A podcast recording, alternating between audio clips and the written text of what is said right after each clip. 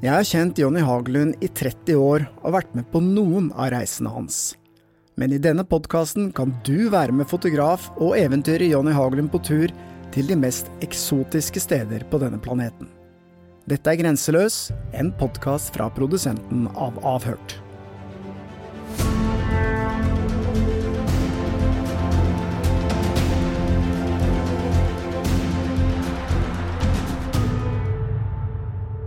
Ja, Jonny, da har vi altså kommet til veis ende denne sesongen, episode 24. Vi skal selvfølgelig komme tilbake med mange nye episoder i neste sesong, men den aller siste episoden denne sesongen, hva skal vi snakke om? Da skal vi til et land som jeg syns er veldig spennende, Pakistan. Pakistan? Ja, vi skal til et litt spesielt område, eh, altså helt vest da, i Pakistan, Chitral-området. Der ligger det tre daler som heter eh, Bumburet, Rumber og Birir. Og det er da eh, hjemmet til Kalash-folket. Når du sier Kalash-folket, så får jeg litt sånne der assosiasjoner til eh, et våpen. Kalasjnikov. Har det noen sammenheng, eller? Ikke i det hele tatt. Langt ifra. Dette er veldig fredelige folk. Det interessante er, sånn, er at hos Kalash-folket så er det faktisk da kvinnen som bestemmer. Okay. Og det er jo med tanke, med tanke, på at vi da altså nå er et ganske konservativt uh, område. Vi er på grensen uh, bare noen kilometer, åtte kilometer tror jeg, fra uh, Afghanistan. Så det er et spesielt sted sånn sett. Og ikke bare det, men de også de produserer vin her, og drikker vin. Og marihuana også, visstnok. Så, så, så det er ja, et annerledes sted. Og veldig flott, sånn som for meg som fotograf, eh, fordi at det er så fargerikt. Altså kvinnene kler seg i veldig fargerike drakter. Eh, blomster i håret nå er det, Jeg var der første gang i 1995, faktisk. Eh, da var det litt mer naturlige blomster, men nå er det mye plastblomster i håret. Men likevel, det er veldig spesielt også. Og stedet, altså hele atmosfæren her, er veldig spesielt. Likevel, da, så er det sånn at eh, som uh, utlending så måtte jeg ha med meg en bevæpna politimann for å dra inn her sånn. Ja, hvorfor det? Var det farlig? Ja, altså, det er jo slik at det siste tallet jeg har kommet over, så var det da vel i 2015 så var det litt over 4100 eh, Kalash-folk igjen. Eh, Taliban har jo trua med at eh, de som ikke konverterer til islam av Kalash-folket, skal drepes én for én. Så det er jo en, en eh, konstant trussel, da kan man jo si, sant, fra Taliban uh, mot Kalash-folket. Altså, eh, Pakistanske myndigheter de forteller at de har på en måte lagt sin hånd over dem og, og beskytter dem og prøver så godt de kan. Men det er nok årsaken til at vi måtte ha med oss en bevæpna mann med svær kalasjnikov og eh, ja, politimann inn her. Men uh, jeg veit ikke hvor mye eh, beskyttelse det var, for han røyka jo hærenfløtte med marihuana fra morgen til kveld. Også. Han var stein, han var stein hele tida. Veldig hyggelig fyr. Men uh, ja. Du, han var ikke sånn kjempeårvåken? Han var ikke, passa ikke på hele tida? Han gjorde ikke det, det er helt sikkert. Også. Men du sier at eh, kvinnene bestemmer. Hvordan fungerer det i praksis? Egentlig? Jo, også for eksempel da, så, så er det jo sånn at eh, her sånn så er det ikke noe arrangert ekteskap. Her er det bestemmer da mann og kvinne hvem som, også hvorvidt de, om de treffer hverandre og vi skal gifte oss. Og, og, så er det også lov faktisk da å, å, å skille seg. Og så hvis for eksempel da eh, en kvinne bestemmer at eh, nei, jeg vil eh, jeg gifta meg, men jeg vil bytte partner. Da må hun, må hun informere sin nye ektemann om hvor mye den første ektemannen betalte til hennes familie. Så må den kommende ektemannen betale det dobbelte av dette. Så for eksempel da, hvis jentas familie fikk en ku av ektemann nummer én, så må andre ektemann betale to kuer. Og da er det, da er det i orden, ikke sant. Ok, Så det, det, blir dyrere og dyrere etter hvert som ja, altså, kvinnen har hatt flere partnere, er det du sier? Akkurat som i Norge. Akkurat som i Norge. Så, men det morsomme også er det at eh, det er jo mange historier det, om hvor de kommer fra. Eh, fordi at de har jo mange Jeg så mange Jeg tok bilder av en liten jente blant annet, med helt sånn lysegrønne øyne. De, de er litt lysere i huden og litt har, Mange av dem har til og med ganske blå øyne. Så det har jo vært spekulert i hvorvidt da disse stammer fra Aleksander den store, altså soldatene hans, som da inntok området for mer enn 2000 år siden. Dette har blitt tilbakevist av andre historikere igjen, da. Så så fall, altså, det, er, det, er, veldig fascinerende, og så er det en liten sånn gravplass der. Eh, fordi at Kalash-folket de begraver sine eh, døde i kister oppå bakken. Så der ligger det også flere kister hvor lokket er åpent, og det ligger, du ser det som skjelettene ligger opp i dagen. Da. Så, men, men, hva er grunnen til at de ikke putter dem ned i jorda? Liksom? Ja, det, da må du spørre en antropolog. Også. jeg må innrømme at det vet jeg ikke. Det eneste jeg vet er at eh, de har slutta med det, eh, å legge likene, altså de døde der, fordi at eh, mange, mye av dette har blitt borte. Det har blitt rett og slett Folk har kommet hit, og så har de da tatt med seg en hodeskalle, et, en, en arm, hjem som suverni. For det er jo en del turister som kommer hit, men ikke fra vår del av verden, men fra Pakistan. Eh, og spesielt da unge menn som kommer for å teste litt vin og røyke litt marihuana, for her er på en måte alt lov, da. Så blir dette litt som Kristiania eh, i, eh, i København, liksom? Et sånn fristed hvor ja, du kan holde på med andre ting? For, enkelte så, så gjør, det nok, uh, gjør, det nok, det enkelte som uh, kommer fra andre steder i Pakistan. Men det som jeg syns er fascinerende da, som nordmann, er at eh, den uh, forskeren, eller linguisten, som har forska mest på språket da, til kalasjene, det er en nordmann. Okay. Skal se, her er navnet hans. her. Georg Valentin von Munte av Morgenstierne. Det var en munnfull, men Høres gammelt ut òg, si det sånn. Ja, han, altså, han, han, døde da i 1978, eh, men han, han, utførte omfattende feltstudier i Afghanistan, Pakistan, India og Iran fra 1923 til 1971.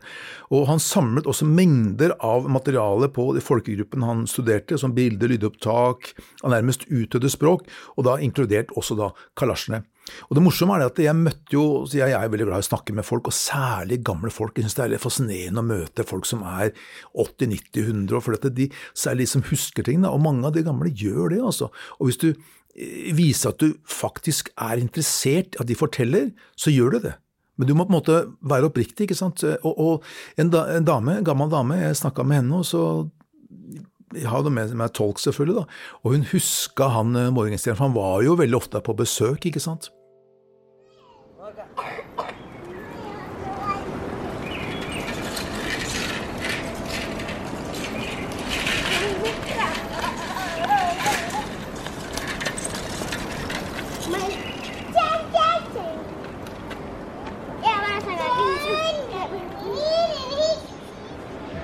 Baba.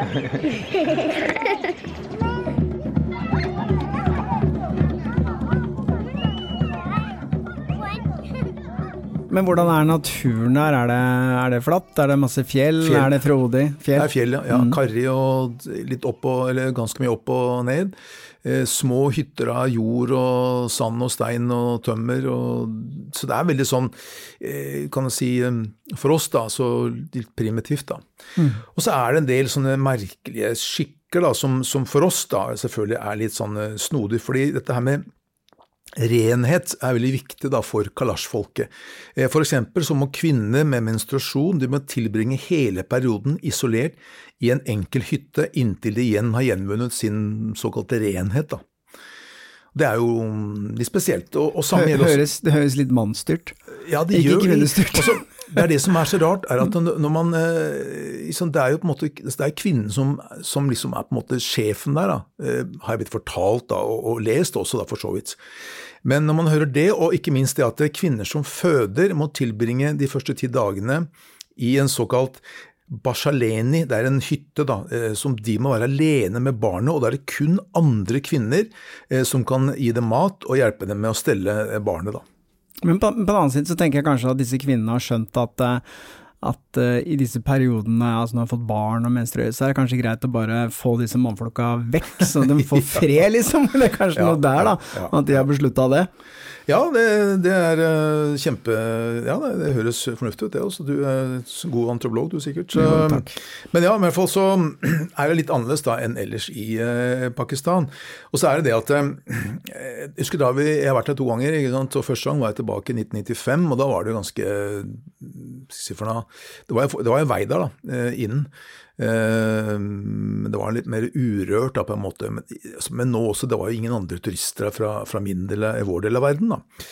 Men det er klart at det, eh, vi ble møtt da av politi da vi kom inn der. Jeg var sammen med en kamerat, en som heter Jørgen. Eh, da vi kom inn, og Han sa det klart og tydelig, at dere har ikke lov til å spørre kalasjfolket om politikk, om islam eller deres forhold til islam. Det er ikke lov å snakke snakke om det i det hele tatt. Hvis dere gjør det, og det blir oppdaga, så blir dere utvist. altså Da blir dere sendt ut av disse Akalash-folkets eh, rike. da. Så ja, så, så klart at da spør man selvfølgelig ikke så veldig mye, og jeg merka også det at det, eh, det, var noen få ganger hvor det kom opp altså sjøl, på en måte, da, det temaet. For jeg spør og graver om alt, ikke sant, og da merka at de vi snakka med, ble veldig sånn eh, litt, veldig forsiktige, da.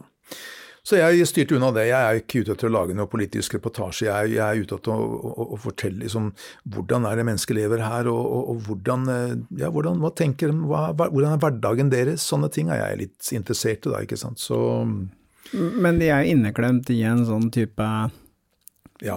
dal? Tre daler. Mm. Så, Men hva lever de av, da? Det er jordbruk. De har dyr. Eh, så dyrker ting, og det gror jo veldig bra opp i fjellene her, da, faktisk. Så, så det de så ut, Sånn som jeg ser det, da, og har møtt dem som sagt to ganger, så, så lever du ganske bra liv. Men det er klart jeg ser den trusselen som de har hengende over seg. Og det er jo ikke noe tvil om at det er jo mange som har konvertert til islam fordi de frykter eh, ja, ikke sant, konsekvensene av å ikke gjøre det, og særlig etter at Taliban da har begynt å rasle med sablene. Det er jo litt fram og tilbake, men så, så, så skjønner jeg det at folk da er litt, eh, litt forsiktige, da. Mm, men dette er ikke så langt fra grensen til, til Afghanistan, eller? Nei, det er ganske, jeg tror det er åtte kilometer er nærmeste, ja, tror jeg, nærmeste eh, landsbyen der. Mm. Så, så, ja, og så er det jo også da selvfølgelig sånn at det, eh, de har jo grønne øyne, eh, og, og, og, kvinnene er jo litt mer vestlig i utseendet, og så bruker de verken hijab eller andre eh, plagg, da, ikke sant, som muslimske koner i konservative islamske miljøer ofte eh, oppvokst med. da. Og Det er også en av grunnene til at det er mange tilreisende pakistanske menn kanskje har mistolket da Kalash-kvinnenes litt frie oppførsel som noe annet enn det egentlig er. altså De har på en måte feiltolka det. Så, da, så ja, det har vært Eh, noen overgrep her, da. Det, det ble jeg fortalt også. Men Butto, da, som var eh, som han jeg ble kjent med der, og vi hadde med en, en Anis, som var min eh, tolk. Vi snakka med Butto, han var veldig forsiktig med å si noe, men ja, han nikka bekreftende at det, det, var jo, det er jo det, ikke sant. Og vært en del overgrep, da. Så, så, så, så spørsmålet er selvfølgelig da eh, hvor lenge, hvor mange år til eh, holder de på sin eh, kultur, eh, kalasjfolket. Det er mm, vanskelig å si. Vanskelig å si. Mm, det er jo ikke så mange. Hvor mange sa du det var? Altså, I 2015 eh, så var det 4141 nøyaktig da, kalasjfolk, og nå er det vel ja, Det er vanskelig å si, men jeg tipper at det er 3000, kanskje. Ok, Så det er synkende? Det er det, er det også. Det er jo mange mange historier. da, Og så senest i skal vi si, ja, For noen år tilbake så var det en uh, ung jente da, en, uh, som ble trua av en, en, gruppe muslimske menn til å konvertere til islam. Og, ja, men, eh, og hun gjorde det, da, men så ville hun gå tilbake til sin opprinnelige religion, og da ble det bråk. fordi at Flat islam er jo, som vi kjenner til, det er en ganske alvorlig sak. da, Og særlig da i, i dette konservative området her. sånn. Så ja, det ble bråk og opptøyer. og fordi Kalasjdalene Én ting er at det er kalasjfolk som følger sin sånn, tradisjon og kultur. Det er også rundt 8000 muslimske innbyggere i disse tre dalene. Som da ikke sant, som eh, er på den muslimske siden, kan man si. Er litt, dette er litt sånn skummelt å snakke om, for jeg vet at det er veldig mange som Dette med islam og sånt, og ikke-islam altså det, det, det er, Men i hvert fall, altså, nå, nå, forteller jeg bare hva som har skjedd. da. Det var da mange, det, Politiet ble tilkalt, og det var mange som ble skada av disse opptøyene. og ja, det, det, det, det, er veldig merkelig for meg, fordi at eh, de gangene jeg har vært der, så har det vært vanvittig fredelig. altså Det har vært som en sånn der, veldig fredelig plett på jorda, altså. Så, så, at det har vært opptøyer der, at det er den ulmende den frykten som ligger under der, den, det er litt eh, Ja, det er litt eh, ekkelt å tenke på. Og det er jo også derfor heller ikke kommer noen særlige turister fra vår del av verden. Fordi at det er jo altså Hele Chytralområdet er jo litt sånn småskummelt, da. Det er jo det. Eh, I utgangspunktet så, så ja, turisten, ja, Hvordan reiser du egentlig for å komme dit? Eh, denne gangen her sånn, så kom jeg da med, kom jeg til Chitral, som er en bil litt lenger nord. og så Derifra så leide vi en annen bil, og så kjørte vi da til da disse dalene Eh, og da jeg var, Samme gjorde jeg da jeg var der i 1995. Og i 1995 så var faktisk veien bedre enn den er nå. Det har vært en flom. Det er jo stadig vekk noen flommer der, sånn, så veien har jo delvis blitt ødelagt. da. Så, men eh, ja, og når jeg kommer dit, så er det jo steder å bo der. og Jeg bor jo i lokalt hus. og eh, men jeg, som sagt, jeg hadde med meg en lokal fyr, som, eller ikke lokal, da, men en, en, kar fra Pakistan som snakker språk, altså språket deres, og som snakker engelsk. Eh, og det er litt viktig altså på sånne steder sånn, at Særlig jeg som fotograf, jeg skal komme med et kamera som jeg skal stikke opp i ansiktet på dem, men hvorfor gjør jeg det? Hvor, også hvorfor skal de tillate at jeg gjør det? Så da må dette her, dette må jo forklares, ikke sant, at eh, jeg gjør dette fordi jeg har lyst til å fortelle om dere til min verden. Eh, og samtidig da selvfølgelig at da jeg kom fra Norge, da, som de hadde jo hørt om han der morgenstjerne, det var ikke så mange som hadde møtt den, men så dermed så, så, har jeg med en sånn fyr som det, som forteller meg ting, og så snakker med folk, og så forteller han hva de sier, og, og de sier jo selvfølgelig til han når jeg ikke er til stede, så sier de, røper de flere hemmeligheter, da. Ikke sant, Fordi, Men han sier det til meg etterpå, da. Så ja. Men i fall, det er, det er et veldig spennende eh, område, og, og jeg er veldig nysgjerrig da på hvor lenge kommer mm. disse her til å eksistere. I remember last time when I was there, there was the uh, Muhajin, no, Muhid, no. What's it called again? It was uh, Mujahideen. Muhajin. Mujahideen. Mujahideen. Mujahideen. Mujahideen. Yes. Yeah, those I remember. Those were the big fair then. When we went to um, that was south to Peshawar and to um, Dara, they told us about you know they yes. come here to buy weapons sometimes. Weapons, they openly weapons, you know. Yeah. Even several times they show you on the media. They are that time big influence from Peshawar, uh, Afghanistan. These people came to control, almost control on Peshawar. Yeah. You know, they are and they are going with mask, full mask, and they are with the like IS. Yeah. And, the, and the TV show, oh, this control is from Taliban and something, Lashkar-e Mujahideen and something like that. Yeah. But uh, but you can't find anything now. Nothing. If someone army They're finished. Yeah, finishing. Nothing. Now uh, Peshawar is same like before, and I hope that's why I, uh, my big hopes. Maybe next year I'm going with my group to these areas, you know, oh, yeah. Vada and Barias, Khyber Pass, you know. Yeah, that would be nice. Yeah, I didn't go there. It was not safe That's last very time. nice. So hopefully uh, we don't need an NOC and we are going easily and it's open for tourists maybe next year. Mm. Because it's quite peace and totally army control, so no problem. Yeah. Here comes the big book.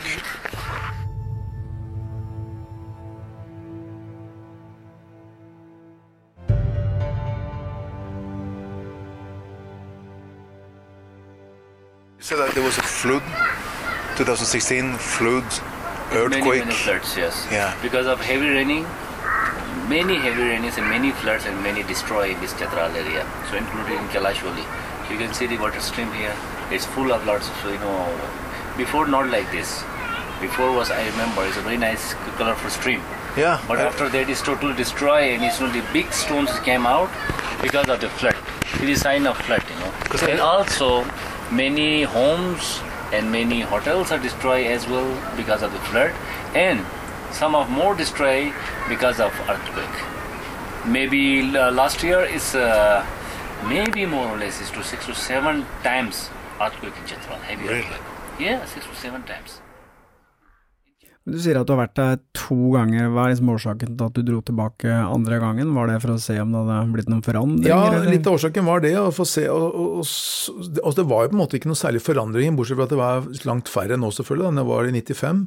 Sånn eh, ellers så, så lever du ganske likt. Eh, det var ikke noe mer moderne der, for å si det sånn. Det var ikke noe, Husene var akkurat sånn som den var i 95. Det var ikke noe, Veien var som sagt dårligere. ikke sant? Så, så det er ganske interessant, da. og så jeg liker å komme tilbake til steder. Og så hadde jeg selvfølgelig med noen bilder ikke sant, jeg, som jeg tok i 95, og, så, eh, og vise dem og, eller som gave. Og, så, og det er jo alltid populært. Men hva med klimaendringer og sånn, da? Så du noen forskjell fra 95 der oppe, eller hadde det eh, Ja, altså, ja, jeg vet ikke. Først og fremst så har det vært det er hyppigere flom, da. Det fortalte de. Det har også vært noen jordskjelv der. altså Det er klart at de lever i et utsatt område. Men eh, flommene det er ganske ikke nytt fenomen, men det er i hvert fall det er hyppigere nå enn det var for eh, 30 år siden. da. Mm, jeg skjønner. Men, eh, men eh, ok, eh, Kalash-området det ligger altså helt nord i Pakistan, på grensen til Afghanistan? Ja, vest, nordvest i, i, Pakistan, ja. Men dette høres ut som et område som kanskje ikke er for folk flest, at det er litt farlig, er det det, eller? Ja, det er vel litt, litt liten risiko er det der, selvfølgelig, men også, jeg følte meg veldig godt ivaretatt av det lokale politiet. også, fordi da, jeg, da, vi kom til Chitral, altså byen Chitral, så var det rett til politistasjonen. og Så måtte vi selvfølgelig signere på noen dokumenter og sånt. Og så fikk vi med oss to politifolk bevæpna som var med oss rundt omkring i Chitral, i byen. Det indikerer jo at det ikke akkurat er uh, verdens tryggeste sted. da. Men også, som sagt, da inn til Kalasjen så hadde vi med oss da også en bevæpna politimann. Så, men jeg kan fortelle kort hva som hvordan vi dro ut derfra, for det gir vel kanskje litt inntrykk at det uh, kanskje ikke var verdens tryggeste sted heller. fordi at uh, fra Chitral, da, jeg må bare si kort, Chitral ligger ikke langt ifra Tirish Mir, som er altså da et stort fjell på det er på 7708 meter høyt, vel. og det ble besteget første gang i 1950 av også nordmann Arne Næss. Ok. Ja, det er litt eh, fascinerende. Altså 1950, da tenker jeg, da, da var det vilt der, også. For det er ganske vilt nå. Og du hadde ikke det utstyret du har i dag? Nei, ikke sant. Da var det vadmelsbukser og hampetau. Ja. Jeg vet ikke, men iallfall så var det i hvert fall ikke moderne greier. Ja, og matpakke, ikke sant. Ja, det var sikkert det. Men i hvert fall altså, eh, fra Chitral så måtte vi reise eh, eh, tilbake da til, til Islamabad. Og planen var å fly. Eh, nå har det vært en del eh, fly, eh, ikke en del, men noen få flyulykker oppi der, vel, det skal sies det. Så men likevel, jeg hadde booka, betalt alt sammen, ikke sant. Men flyet kom ikke. Nei, det virka ikke. Det var et eller annet som skjedde. Det var et eller annet, altså, det vet ikke. Det, var, det virka ikke. Flyet virker ikke. Ferdig snakka. Så vi fikk ikke flydd da.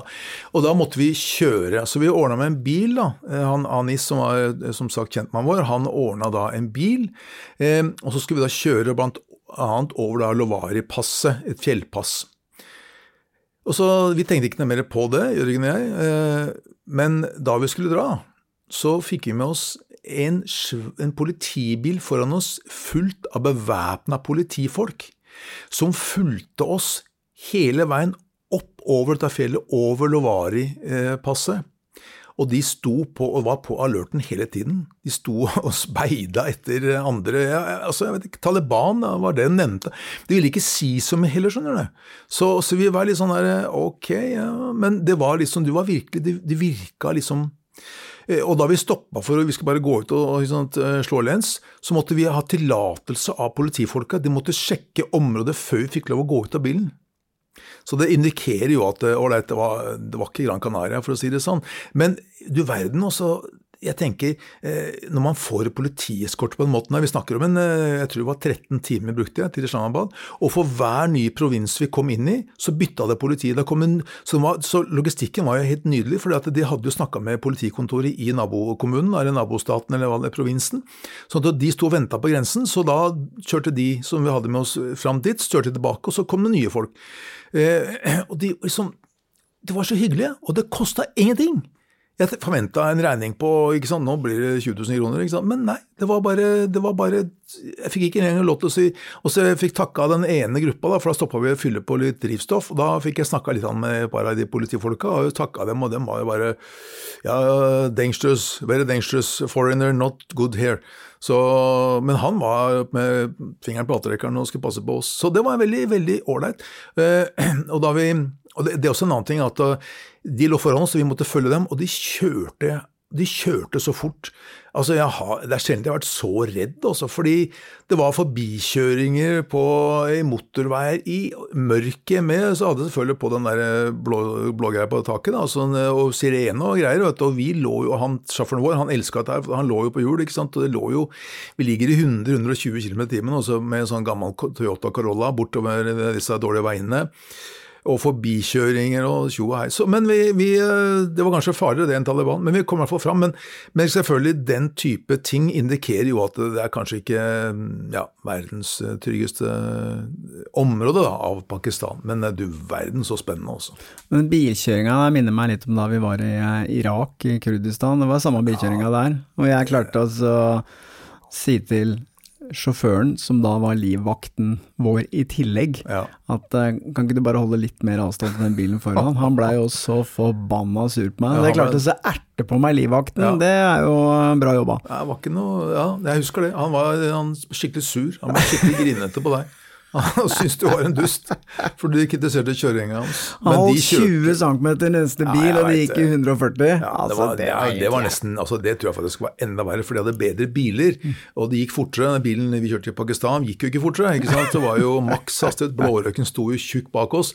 Men her hadde vi store, nye Toyota Land Cruiser, ikke sant? så det gikk jo fort som pokker, altså. Nei, jeg husker jeg var livredd. Mørke, mørklagte veier hvor der og her og der var det jo svære dumper og liksom høl i veien. Du kunne jo, Bare det er nok til at bilen kan hoppe av, ikke sant. Ja, det er sant. Men jeg, jeg, bare lurer på en ting, for det, det virker Du har liksom en sånn egen evne til å få bevæpnet politi, militær eskorte gratis.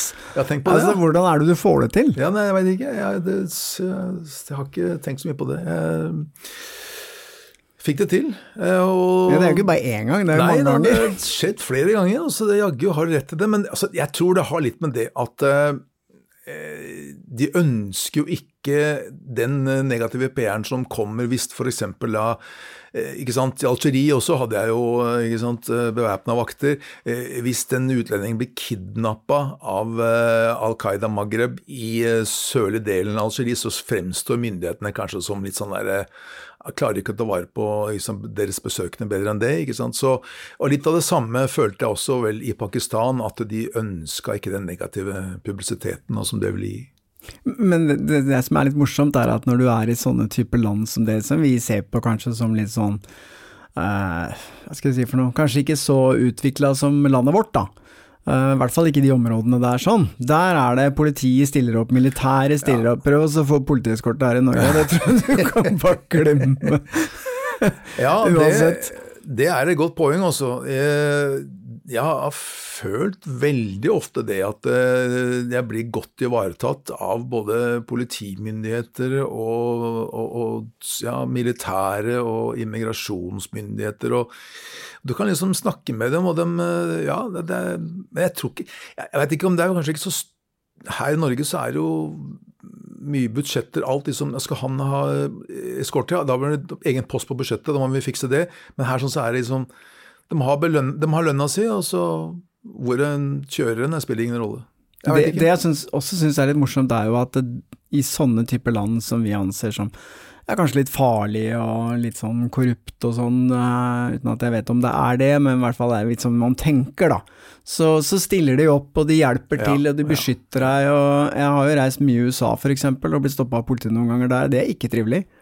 Det er ikke trivelig i det hele tatt. Det står en gærning med tenker at den er nummeret for han trekker våpen og skyter deg, liksom. Og det eh, Jeg har ikke noe, hatt noe bra eh, sammenstøt med politiet i USA, f.eks. Det har bare vært ubehagelig. Ja da, jeg ser den også. Uh, jeg, klart, jeg, jeg, har jo hatt noen opplevelser jeg, med politi både her og der, jeg da, også i Kongo og sånt, som ikke akkurat har vært Har ikke vært like trivelig? Nei, har ikke vært like trivelig, nei. Men Men eh, politiet i Pakistan har veldig god erfaring med det lille jeg har opplevd med dem, så er det fantastisk. I India har jeg hatt litt mer negative opplevelser med politiet. I eh, Bangladesh veldig positivt, faktisk, også. Ehm, I Kina også har jeg heller ikke hatt noe trøbbel med politiet. Jeg har møtt og snakka med noen av dem, og det har vært veldig hyggelig. Så ja. Men bra, da fikk vi knust noen fordommer i forhold til uh, hvordan politiet opptrer i ulike, ulike, land. Det er fint. Ja, ja. Uh, dette er jo siste episoden i denne sesongen. Vi kommer tilbake selvfølgelig neste år med mange nye episoder. Kan du bare komme med en liten spoiler uh, på hva vi har tenkt å Eller hva du har tenkt å fortelle om i neste sesong? Tja, det blir i hvert fall Canada, det skal vi til. Og så skal jeg faktisk ha en tur til Polen, av alle steder, eh, tenkte jeg. Og så blir det jo tilbake til Kina, vi skal tilbake til India selvfølgelig, også til Peru. Jeg skal inn i Amazonas en liten tur. og finne noen ulovlige gullgravere der, så det blir mye Det blir mye ja, ja, ja, så Fordelen med å, å, bli litt gammel, er at du har, og særlig når du har drevet med dette så mange år som jeg har gjort, er at det, det jeg har møtt så mange mennesker, jeg, jeg, jeg, har møtt så mange herlige folk og fått så mange utrolige historier av de menneskene jeg har møtt opp gjennom åra, så, så jeg har eh, mye å fortelle. Jeg gleder meg. Jeg er sikker på at eh, lytterne gleder seg også til neste sesong. Én ting kan vi trygt konkludere med, det er at du kommer til å bli den mest populære på gamlehjemmet, som har mest å fortelle. Ja, det er ikke lenge til.